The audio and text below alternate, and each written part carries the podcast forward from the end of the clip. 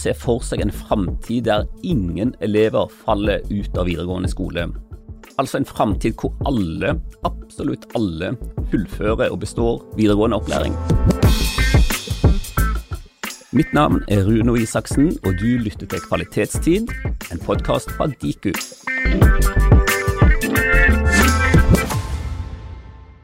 Én av fire norske ungdommer klarer aldri å gjennomføre videregående opplæring. Også i høyere utdanning er frafall et stort problem. Frafall har store konsekvenser for de personene som det gjelder, først og fremst, men også store samfunnsøkonomiske konsekvenser. Og det er akkurat her at Universitetet i Sørøst-Norge, USN, kommer inn. Sammen med et engelsk og et dansk universitet fikk USN først tre millioner kroner fra EUs program for utdanning, Erasmus pluss. I år har USN fått enda mer EU-penger til et enda større prosjekt om frafall, og med partnere i fem land denne gangen. Med meg i studio har jeg to aktuelle gjester, Mette Bunting og Volga Gåran. Hjertelig velkomne skal dere være begge to. Mette Bunting, du er instituttleder på Institutt for pedagogikk ved USN, Universitetet i Sørøst-Norge. Du har forska på frafall i mange år, og du er den som leder begge disse europeiske prosjektene om frafall med støtte fra Erasmus+. Hvordan skal dere bidra til å løse frafallsproblematikken? Ja, dette er det store spørsmålet, og det er jo midt i det begge prosjektene handler om. Eh, hvordan kan vi bidra inn i dette som er en utfordring, ikke bare for samfunnet, men for de ungdommene det gjelder. Og det vi ønsker å få fram ungdommenes stemmer for å finne ut hva er det de mener om deres skolesituasjon. Både de som både gjennomfører, og de som ikke minst de som strever. Kan det skje med alle? Kan også mine barn og dine barn falle ut av skolen? Eller sagt på en annen måte, hva kjennetegner egentlig en dropout, altså en som aldri klarer å fullføre videregående opplæring? Fins det noen fellesnevnere? Det finnes mye forskning på hva som eh, kjennetegner eh, de som ender opp med å ikke kunne eh, klare å gjennomføre av mange grunner. Og det er, Men den største grunnen er jo dette vi kaller med sosioøkonomisk bakgrunn, er faktisk den familiebakgrunnen du har. Men jeg har lyst til å si at dette med at vi kaller de som avslutter sin skolegang for dropout, det er jo også noe med samfunnsstrukturen og hvordan vi ser på dette med frafall.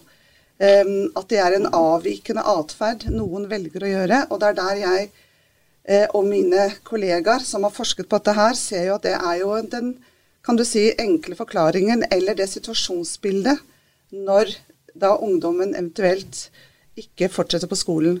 Det vi ser da gjennom ungdomsfortellinger, og som også viser seg i mye annen forskning, er at dette er prosesser som begynner veldig tidlig. De begynner helt på barneskolen. Og det er jo slik at eh, avstanden mellom de som da strever, og som ofte da har en eh, lav sosioøkonomisk bakgrunn, da strever mer med å bli hentet inn. Så ja, det kan skje med alle, men det er klart at jeg som da eh, kan skole, er utdannet lærer og nå jobber på universitetet, når mine barn kommer i sånne situasjoner, så er det både nettverk og kunnskap som, jeg, som gjør at man kan kanskje lettere hjelpe dem og hente dem inn enn andre som ikke har det støtteapparatet rundt seg. Vi skal litt nærmere inn på de to prosjektene deres, de to store europeiske prosjektene med støtte fra Erasmus+. I det første prosjektet, som ble avslutta i år, utvikla dere noen modeller for å fange opp sårbare barn og unge, og på den måten bidra til å forebygge frafall. I det nye prosjektet, som starter hvert øyeblikk, skal dere teste ut disse modellene i fem ulike land, og samtidig skalere dette opp. Mitt spørsmål er, hva er egentlig det nye og unike med akkurat deres modeller? Jeg tror det som er unikt her, er jo at disse eh, bygger på både hva ungdommer og studenter, eh, for det er jo de vi har sett på også, eh, forteller om sin situasjon. Eh, I tillegg så bruker vi en eh, vinkling innenfor forskning, men også i samtale, som vi kaller indirect approach, som går på det at vi legger vind på samtale med ungdommene på en måte som skal få fram deres historie, ikke på det vi tenker de bør fortelle oss. Fordi vi alle har vår kontekst, vår bakgrunn, som vi definerer eller forstår f.eks. For frafall eller vansker i skolen ut fra. Men disse ungdommenes historie ønsket vi å få akkurat slik som de ville fortelle det. Og da eh, måtte vi bruke en, en, måte å snakke med de på som vi også lærte bort til våre studenter. Hvor vi har mer en samtale, og så bygger vi på det de forteller, slik at vi prøver da så godt som mulig å la den eh, eh samtalen være unik og på ungdommenes premisser. Slik at disse modellene er jo utviklet eh, bl.a. ut fra det. Så, sånn så får vi modeller som er ikke bare en generell eh, datamateriale fra hva mange mener, men som bygger på ungdommene. I tillegg så er de veldig helhetlige. De ser ikke bare på det som er fag eller eh, dette med læring, men de ser egentlig på helheten. Det ser også på dette med oppvekst, det ser opp med bakgrunn, erfaringer osv. Så, så man prøver å ha en helhetlig forståelse.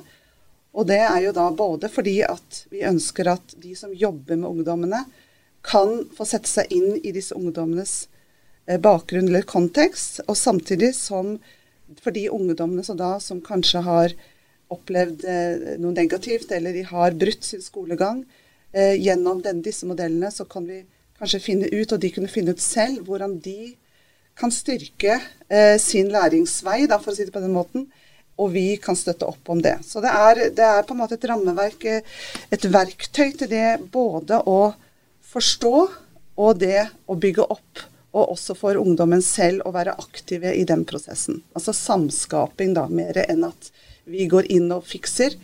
Vi, vi prøver å ha en prosess hvor ungdommen er aktive i å skape sin eh, tilbakeføring eller sin forståelse for bedre å kunne klare bl.a. skole eller jobb, f.eks. Det er jo ikke bare skole, men det å mestre arbeidslivet. Disse modellene er noen helt konkrete resultater fra det europeiske samarbeidet så langt. Hvem kan ha nytte av disse modellene? Hvem kan, hvem kan ta de i bruk? Hvem, hvordan kan de bli brukt? Altså Håpet vårt er jo at alle som jobber med barn og unge, skal bruke det. Og det er jo det vi ønsker å teste ut nå, da. Eh, vi har nå testet det ut på studentene våre. Vi har testet det ut i sånn, eh, på, noe på videregående skoler sånn gjennom forskningen, men ikke egentlig med å bygge, eh, jobbe med ungdommen. Så nå er jo det hele poenget at nå skal vi teste ut i flere sammenhenger. Liksom alt fra overgang barneskole til ungdomsskole, overgangen fra ungdomsskole til videregående, overgangen til arbeidslivet. Eh, og, og, prøve, og, også høyere utdanning, og prøve å se hva er det eh, Kan dette som vi har da funnet i MACE, er dette noe vi kan videreføre som en eh, modell eller forståelsesramme som kan hjelpe alle som jobber med barn og unge i Europa? Begge disse europeiske prosjektene har altså engelske navn, og det er ett ordpar som går igjen i begge to. Og det handler om co-created education. Altså, skal vi kalle det samskapt utdanning på norsk? Du har så vidt nevnt hva det er, men kan du utdype det litt? Hva betyr samskapt utdanning, og hva innebærer det i praksis? Ja, jeg er blitt veldig glad i det ordet, da. Samskaping eller co-creation. Fordi jeg syns at i det begrepet så ligger det dette med likeverd. Så selv om eh, jeg jobber sammen med studenter, og jeg er forsker, og jeg har liksom gått disse gradene som det er på universitetet, så, så, er det likeverdighet som ligger i at vi skaper noe sammen ved samskaping. Og Det betyr at jeg anerkjenner studentenes kompetanse inn f.eks. her mot barn og ungdom, og ikke minst det at de er en annen generasjon og forstår barn og ungdom på en annen måte. Samtidig så betyr det at eh, jeg går ikke inn og leverer et ferdig produkt som de skal fordøye, men gjennom deres respons, både når det kommer til eh, når vi diskuterer teori, men også når vi er ute og forsker sammen, så er deres respons med å skape noe nytt og noe bedre enn det det ville vært hvis vi forskere satt og produserte aleine. Og det er jo det vi også tenker er en sånn kjernen da, i dette å jobbe med barn og ungdom som er, kanskje sitter i, er i en posisjon hvor de er utsatte av, av forskjellige grunner. Hvordan en sånn skap, samskaping også bygger de opp til å ha en, eh, et eierskap og en verdi i den, eh, den, jobben man da gjør sammen. I det første prosjektet så handla samskapt utdanning, co-created education, samskapt utdanning, om, det handler om å involvere deres egne studenter som er forskere. For vi vet jo at frafall er høyt i, videre, i høyere utdanning òg.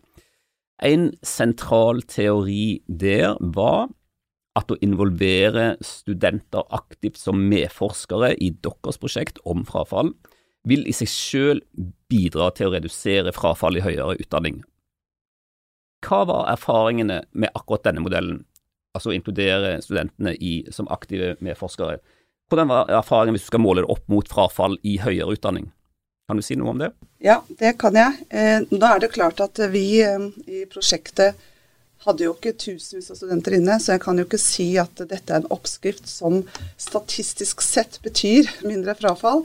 Men vi har jo både intervjuet eh, og snakket med studentene underveis, og vet noe om dem nå. Og vi ser jo det at eh, det er så å si ingen av de som ikke har gjennomført. Det er et par som har ikke gjort det pga. Eh, sykdom, bl.a. Noen måtte ta noe lengre tid, men det er ikke helt uvanlig på master. Men vi ser det at studentene selv rapporterer at de har lært veldig mye. Og ikke minst så ser vi at de som på bachelornivå sier at vet du hva, nå er ikke jeg redd for å ta en master. For jeg ser at det å ta en master, det er, eh, det er bare mer av det å ta en bachelor. Det er dypere og det er mer omfattende. Men nå har jeg lært så mye om forskning at det er jeg sikker på at jeg kan klare. Det må òg legges til at uh, når dere rekrutterte studenter inn i dette prosjektet, så gikk jo dere aktivt ut.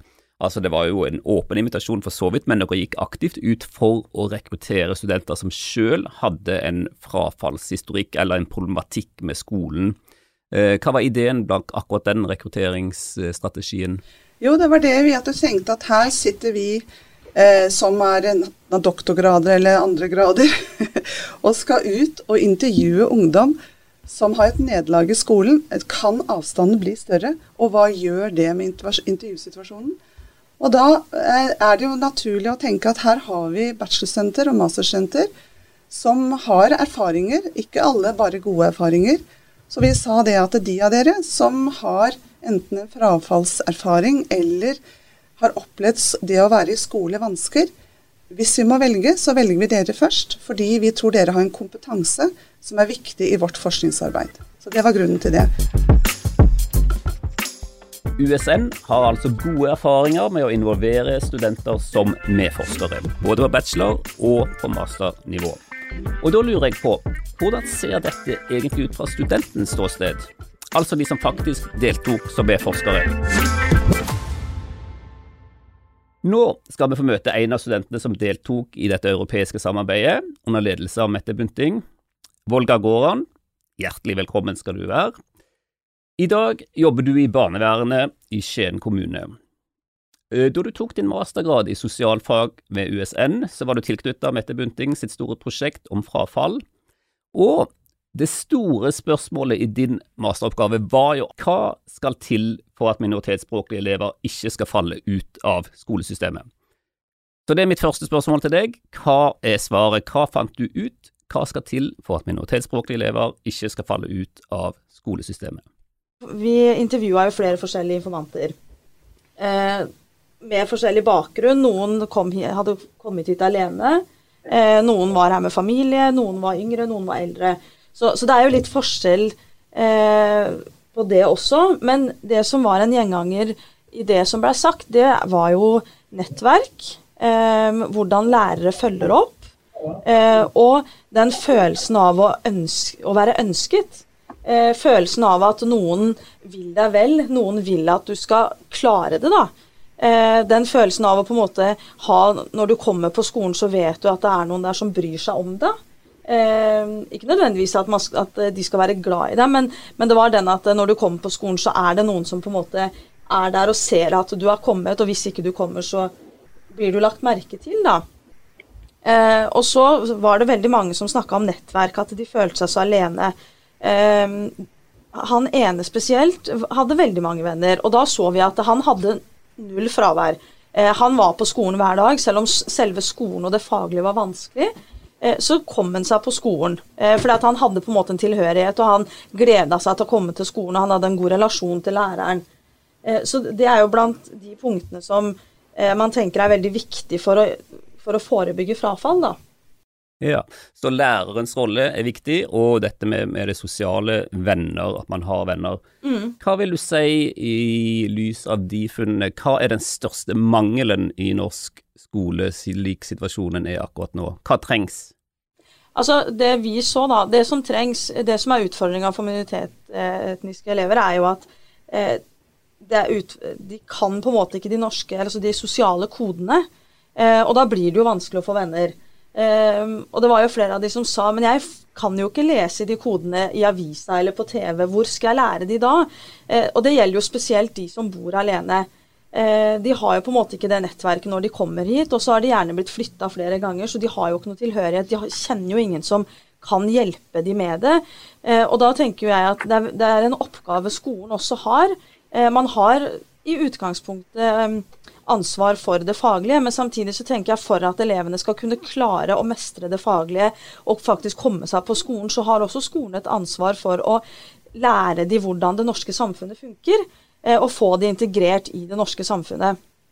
Og så fort man eh, klarer det, eh, så tenker jeg at eh, da, vil jo, da, vil det jo bli lettere for de å få seg venner og få et nettverk som trekker de til skolen, da.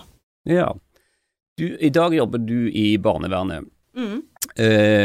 Eh, vil du si, og du skrev altså masteroppgave i sosiologi tilknyttet denne tematikken. Mm. Vil du si at det var noen lærdommer, noen erfaringer i ditt arbeid med masteroppgaven i dette frafallsprosjektet som du kan ta inn direkte i ditt arbeid i dag? Ja, absolutt. Eh, det er egentlig veldig mange ting. Eh, noen ting er jo på en måte noe man vet allerede, men man blir jo bevisstgjort på det. Og når du hører det direkte fra ungdommen, så påvirker det jo kanskje på en litt annen måte. Og i barnevernet så vet man jo at er veldig mange barn og unge sliter jo nettopp med det å komme seg på skolen. Eh, og så kan man jo tenke at eh, skolen er kjempeviktig, og du må på skolen, og du får så mange faglige hull og osv. osv. Men etter å ha snakka med de ungdommene her, så man jo får man jo bekrefta på nytt da, at skole er faktisk mer enn kun det faglige. For du lærer jo i utgangspunktet så skal du jo lære mye mer enn kun fag. Um, så, så, jeg tenker at for min del da, så har jeg blitt veldig bevisstgjort på at ok, det er en ungdom som syns det er vanskelig å komme på skolen. Hva gjør man? Kan man finne en lærer? Kan man finne en miljøterapeut? Altså, kan man finne noe som får ungdommen til å ha, ha, lyst til å komme på skolen? For det er jo første steget, på en måte. Eh, og så får man ta det faglige etterpå. For, for, det å bare få ungdommene ut av senga og ut av hjemmet, eh, det er kjempeviktig. Og det var jo en del av det vi snakka om med de informantene om òg, at det, det var vanskelig å komme seg ut. Eh, kunne, venner kunne ringe, men de orka ikke ut. ikke sant? Og hvordan skal de da klare skolen? Så Det er jo en av tinga. En annen ting er jo at selv om man kan ha samme bakgrunn og være i samme situasjon, så er man allikevel ikke like. Eh, så det å se den enkelte, veldig viktig. Det er jo også en del av de tinga som vi på en måte har blitt enda mer obs eh, på i det prosjektet når vi har holdt på med å skrive masteravhandlinga, da. Ja. Du, eh, Volga, du er jo selv innvandrer i Norge. Mm. Da du var fem år, så kom du sammen med dine foreldre som eh, flyktning til Norge fra Iran. Statistisk sett så hadde du litt høyere risiko for å falle fra enn landsgjennomsnittet i Norge. Eh, så kan jeg vel kanskje skyte inn at du har to bachelorgrader, en i ingeniørfag, en i barnevern. Du har mastergrad i sosiologi, du har videreutdanning i veiledning, og du har studert farmasi til og med, så du har klart deg veldig bra, det kan vi vel si heve over tvil. Hvorfor har det gått så bra for deg? Jeg tror det annet handler om at jeg var så liten når jeg kom. Eh, sånn at jeg fikk nett, Altså, jeg var jo fem når jeg kom, eh, og jeg begynte jo i barnehagen, og jeg, jeg, fikk på en måte med meg språket og den biten. Eh, og så har jeg jo også foreldre som er veldig opptatt av utdanning. Eh, de har jo begge utdanna seg eh, i Norge. Eh, pappa har jo en master, og mamma har jo masse videreutdanninger og ja. Eh, så, så, det også er jo et viktig poeng, nettverket rundt. da. Eh, for mamma og de så jo, det, så jo, viktigheten av utdanning, og det vil jo selvfølgelig påvirke meg. Eh, det vil jo Altså, det jeg ser hjemme, da, eh, det er på en måte de verdiene jeg får. og det er jo på en måte kanskje det nettverket man da bygger seg ut ifra hvordan man blir oppdratt. Eh, pluss at som sagt så var jeg så liten når jeg kom, så da fikk jeg på en måte Jeg lærte språket, så det ble jo ikke noe utfordring. Da var det lettere å ville klare barneskolen og ungdomsskolen, eh, og nettverket, ja.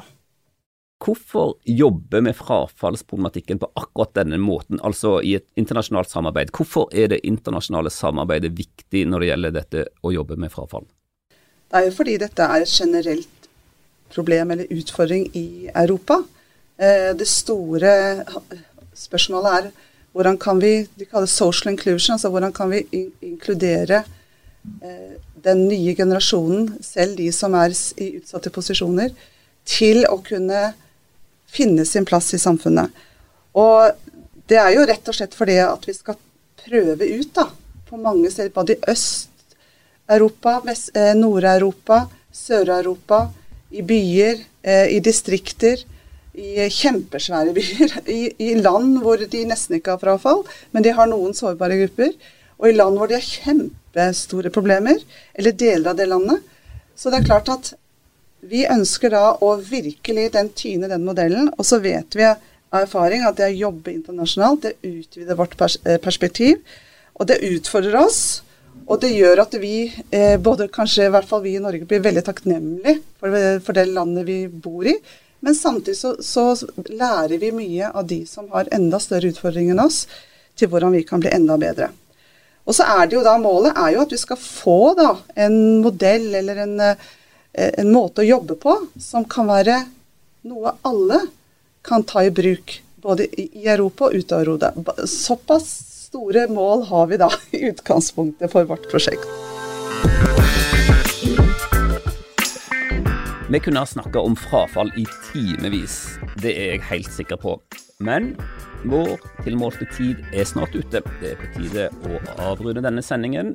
Men før vi slutter helt, vil jeg få takke dere så hjertelig begge to for å ha deltatt i denne podkasten og delt så raust av deres kunnskaper og erfaringer. Mette Bunting, instituttleder på Institutt for pedagogikk ved USN, og leder for begge disse to store europeiske prosjektene om frafall. Volga Goran fra barnevernet i Skien kommune, og som altså skrev sin masteroppgave i sosiologi om frafall i utdanningen. Mitt navn er Runo Isaksen, og du har hørt på Kvalitetstid, en podkast fra IQ. Har du noen kommentarer eller spørsmål til denne episoden, ta gjerne kontakt med oss i Diku, post at diku.no. Og vær på utkikk etter nye episoder av Kvalitetstid. Vi høres!